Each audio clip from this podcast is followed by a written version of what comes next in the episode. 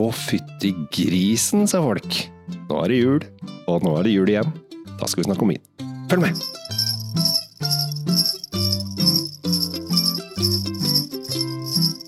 Hei og hjertelig velkommen til eh, Kjell Svinkjeller og da Drinkfeed med selveste eh, grisegutten Tom Amerati Løvaas. I dag så har vi gleda oss, for i dag skal vi snakke om ribbe. Det har, vi har gleda oss veldig, fordi mm. jul det er liksom det er mat, det. Det er mat. 46% av alle husstandene i Norge, eller hele befolkningen, spiser i ribbe. På julaften. På julaften. Jeg trodde det var mer. Nei.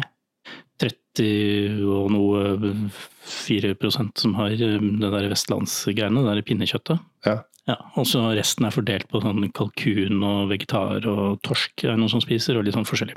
Vi har jo fått en del polske folk i Norge, vet du hva de spiser? Kilbasa?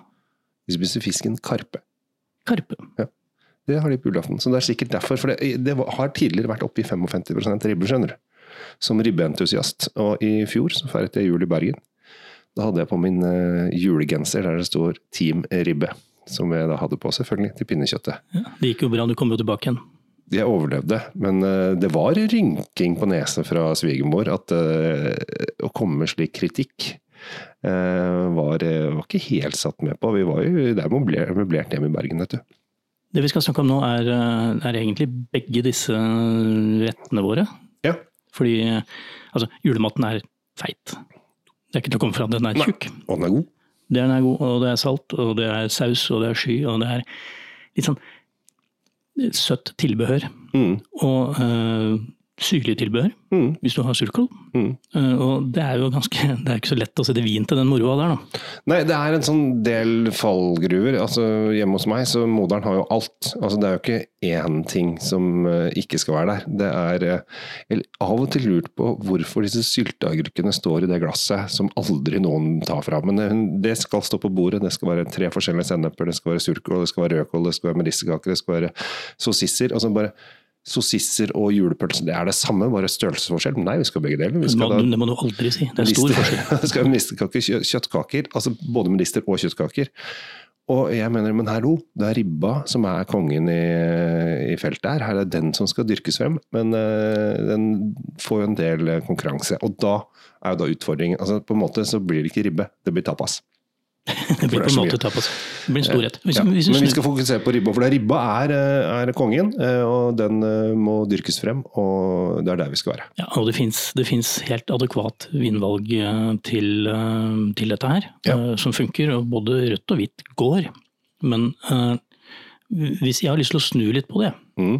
og så sammenligne med noen retter som ligner veldig, og det er jo når du drar til, uh, drar til Vest-Tyskland, holdt jeg på å si, den vestre delen av Vest-Tyskland.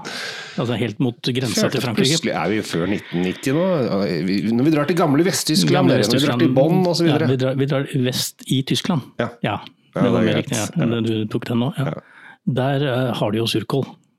Sauerkraut. Sauerkraut. Har, ikke, ofte... har, de ikke det i øst? Jo, men jeg kommer til poenget her. skjønner du. Ja, okay. Tyskerne drikker jo stort sett øl uh, overalt, men ikke i de områdene med fals og Mosel og sånn. For da drikker de vin. Det er det, det, de lager. Ja. det fornuftig. Men de serverer fortsatt sauerkraut. Ja. Med, ofte med svinekjøtt, altså den fete delen av grisen, og mm. pølser og alt. Altså, det ligner jo veldig på en ribbemiddag. Mm, det gjør det. Og, det er egentlig akkurat samme. Og de drikker jo hvitvin. Da får de det hele året, ikke sant. De er smarte, de spiser ribbe hele året. Det, det gjør ikke vi. Men de drikker også hvitvin. Det er det de gjør der. Ja. Og da kommer vi til det poenget jeg skal fram til her, at uh, vi skal drikke Riesling til ribbe. Ja. ja. I gamle dager, for et par år siden, da jeg drev og startet opp min uh, prat om uh, vin høylytt i folk-karriere, så snakket jeg om de to r-ene til ribbe. Og det var da Riesling og Ripasso. For da har du liksom begge r-ene fra både rødvin og, og hvitvin. Som Mm. ofte Og det, det, jeg, står på det fortsatt. Men uh, før vi skal fordype oss i, i Rieslingen, så har jeg bare en bitte lite hint for dere som vil ha rødvin. Og det er uh, druen Schioppettino. Schioppettino. Schioppettino. Det er morsomt å si, da. Det er veldig morsomt å si, og så er det litt gøy, for det finnes bare 19 forskjellige varianter av det på polet. Det er en ganske bitte liten drue. Den holdt på å dø ut. Eh, Jeg lagde jo en podkast om det her for litt siden, som dere kan eh, gå og lytte til. Eh, og da snakker jeg om denne rødvinsdruen som passer da perfekt til ribbe hvis du vil ha rødt. Men vi er som sagt i Vest-Tyskland før 1990, så da, da passer ikke det. Da Nei. drev det ikke på med det. Vi, eh, vi er tilbake i Norge nå, faktisk. Ja. Så vi glemmer historiske eh, Tyskland. Jo, men- altså, dette, altså, Riesling er jo en, eh, en drue som de har holdt på med i Tyskland siden 1400-tallet. Absolutt, og de områdene vi henter denne vinen fra, så har de jo dyrka andre druer siden før det. Ja, og det, det er jo kjempegøy. Det er en kjempemorsom drue. Også det som er så gøy med Riesling, er at den er så forskjellig. Det er så mye rart. Og så tror jeg folk glemmer når vi snakker om Riesling, så glemmer de liksom at de tenker at veldig, eller mange tenker kanskje at ja, Riesling er søtt. Men så er det liksom, ja, Riesling er masse syrlighet. Og så er, altså, det er så mye forskjellig, og det har litt med når de plukker ned druene fra busken. Når de plukker, og hvor de plukker den, Ja. og i det hele tatt. Og vi liker jo å tenke oss eh, altså, for, for å hamle opp den der ribba, da, Mm. som er liksom motstanderen her, eller kompanjongen, alt ettersom. Ja. For, for å takle fettet, Mm. så trenger du syre. Ja. Men for å takle um, surkål, hvis det er det du bruker, Mm. eh, så, Eller rødkål. eller rødkål, men mm. surkålen er i hvert fall syrlig, eh, så trenger du også noe som kan uh, spille på lag med den. Mm. Og da må du ha en viss sødme Mm. i vinen. Litt. Rann. Det, men det er litt sånn smak og behag, men, men altså, det må være litt der. Du kan, Ja. ikke, du kan ikke velge den mest knusktørre rislingen. Og da går du bort fra tråkken. Ja, du kan ha tråkken, men da må den være lagra. Ja. Altså, vi må litt opp i pris. Ja. Vi, vi må over den, øh, den første stadiet for å, for å komme dit. For du trenger disse, også disse petroleumsnotene, eller som jeg kaller gummistøvel. altså Den Mm. der lille hintet av noe petroleum, den trenger du. Det betyr at den, den vil javne ut, spesielt kålen vil, vil møtes veldig godt med den. Ja. Så du trenger syre, og du trenger petroleum. Ja. Eller du trenger den derre fyldigheten. Korrekt. Ja. Og eh, da Altså, det finnes jo Riesling over hele verden, egentlig. De, dyrker jo Riesling eh, i alle verdensdeler. Jeg drakk en eh, Riesling fra New York State. Ja. Som var så syrlig at jeg trodde at gommene skulle, eller tennene skulle løsne fra gommene. Den vil du ikke ha til ribba. Nei. Det, var, det er det største syrebadet jeg, altså det var så surt. Jeg bare Oi, oi, oi! Jeg begynte nesten å gråte. Det var så, det var så og, eh, Men det, der var det så kaldt. Men her i, nå har det blitt også varmere i disse delene av Tyskland pga. global oppvarming. Og det har gjort at siden 2015 så er det jo ingenting som har gjort det så bra på vindproduksjonsfronten som Riesling fra Tyskland. Nei, de, de, blir, de er jo populære, eh, og, og det er en grunn til det. Nå skal vi straks uh, smake. Men jeg bare sier at hvis du skal ordne deg noe Riesling nå til jul, og du vil ha det til, eh, til ribba, men du kan også bruke dette til pinnekjøtt, fordi Mm. det er egentlig samme kriteriene som gjelder der. Ja, Riesling er jo så anvendelig at den kan brukes nesten til all julemat. Ja, det bør jeg si. Ja. Det blir ikke feil uansett. Jeg tror, altså nå har jeg ikke testa det til lutefisk, for det er ikke så ofte jeg spiser lutefisk. Eh, men jeg tror også hvis du har mye bacon og, og, og en del av disse tingene, så det kan funke der også. Ja, den, den vil gå til det, selv om eh, ordentlige mennesker drikker jo champagne til lutefisken, selvfølgelig. Ja, det var de ordentlige menneskene. Ja. Er. Jeg kommer jo bare fra Asker. Jeg, sånn Ja, det, det, det, det kan du ikke hjelpe for. Men uh, nå, er det, nå er det Riesling igjen. Eh, vi, har, uh, vi har disse vanlige, vanlige stedene, holdt jeg på å si, vanlige distriktene. Mm. Vals, Mm. Alsace, Rheinessen. Det er liksom det det går i. Ja. Og den har jeg valgt ut nå. Du har glemt nahe. Nahe, altså vi, vi- skal ikke ramse opp alle, for da Jeg bare viser at jeg kan ting. Altså, jeg, får lov, jeg får lov å dyrke Ja, at jeg er kjempeflink. Og så flink du er, Kjell. Kunne nahe. Ja, du er veldig flink med den, ja, og du, du, du skinner hele tiden. Å, det deilig. Ja, nå skal vi få denne, denne saken fra uh, Jean-Marc Bernard. Ja. Da er det ikke i nahe. Vi er i Alsace. Ja. Uh, rett og slett fordi det er jo, Alsace som vi vet er jo en blandings av Frankrike og Tyskland. Alsace-Lottringen. Ja. Ja. Eh, men jeg valgte denne her fordi den passer til akkurat de kriteriene vi er ute etter. Ja. Vil du Jeg dra? kan hjelpe deg i og med at du driver og styrer fælt her. Eh, Og her er det eh, Jean-Marc Bernard. Ja. Eh, er jo Og det som er litt morsomt med Nå skal du få til Jeg kan helle oppi deg. Det kan du gjøre. Sånn. Passe spetakkel på den hellinga. Mm. Jeg beklager det. Men det som er litt gøy med, og som dere kanskje vil merke dere hvis dere driver og roter rundt i, i Alsace eller Lottringen om du vil, eh, og ser på produksjonsnavn, f.eks. hva de heter, de forskjellige. Hygel og, og sånn. Det er ganske mye tyske navn. Ja. og Man, altså, Alsace har jo vært tysk og fransk og tysk og fransk og fransk og tysk om hverandre Ja. siden, siden Mjøsa brant, holdt jeg på å si. Ja. ja. Og det er en stund siden. Det er lenge siden. Ja.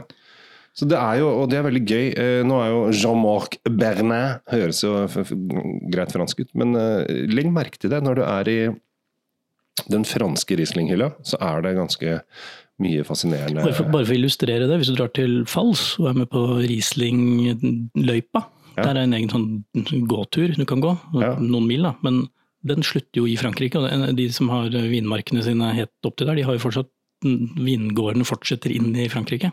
Oh, ja. Ja, ja, så de krysser jo grensa hver gang de plukker ei drue, de.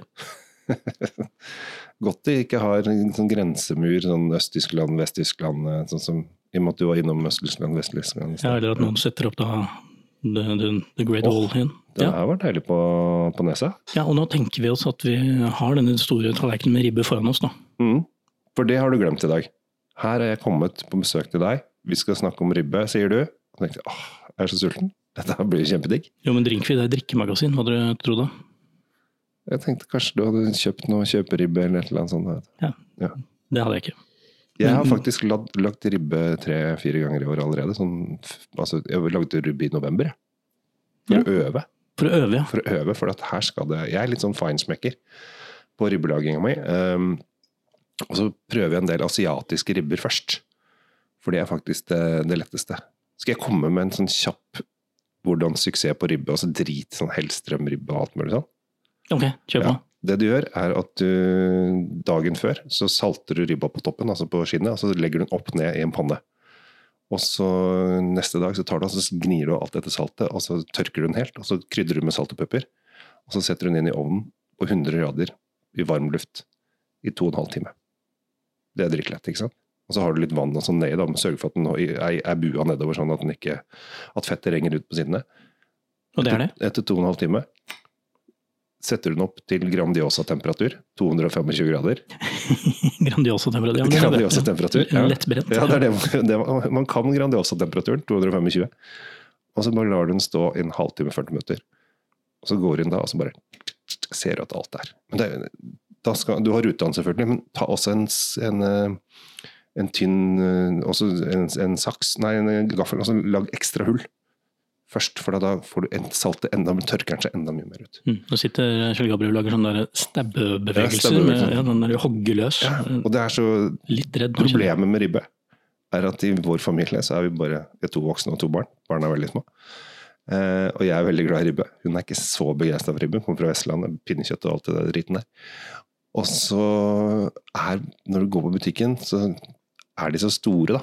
Så jeg har jo ribbe i flere dager når jeg driver med dette styret mitt. Men det, det er dritdigg. Fordelen er at vi holder oss rynkefrie. Da. Det, det er da noe. Ok, da er det, da er det Riesling. Eh, hva tror du?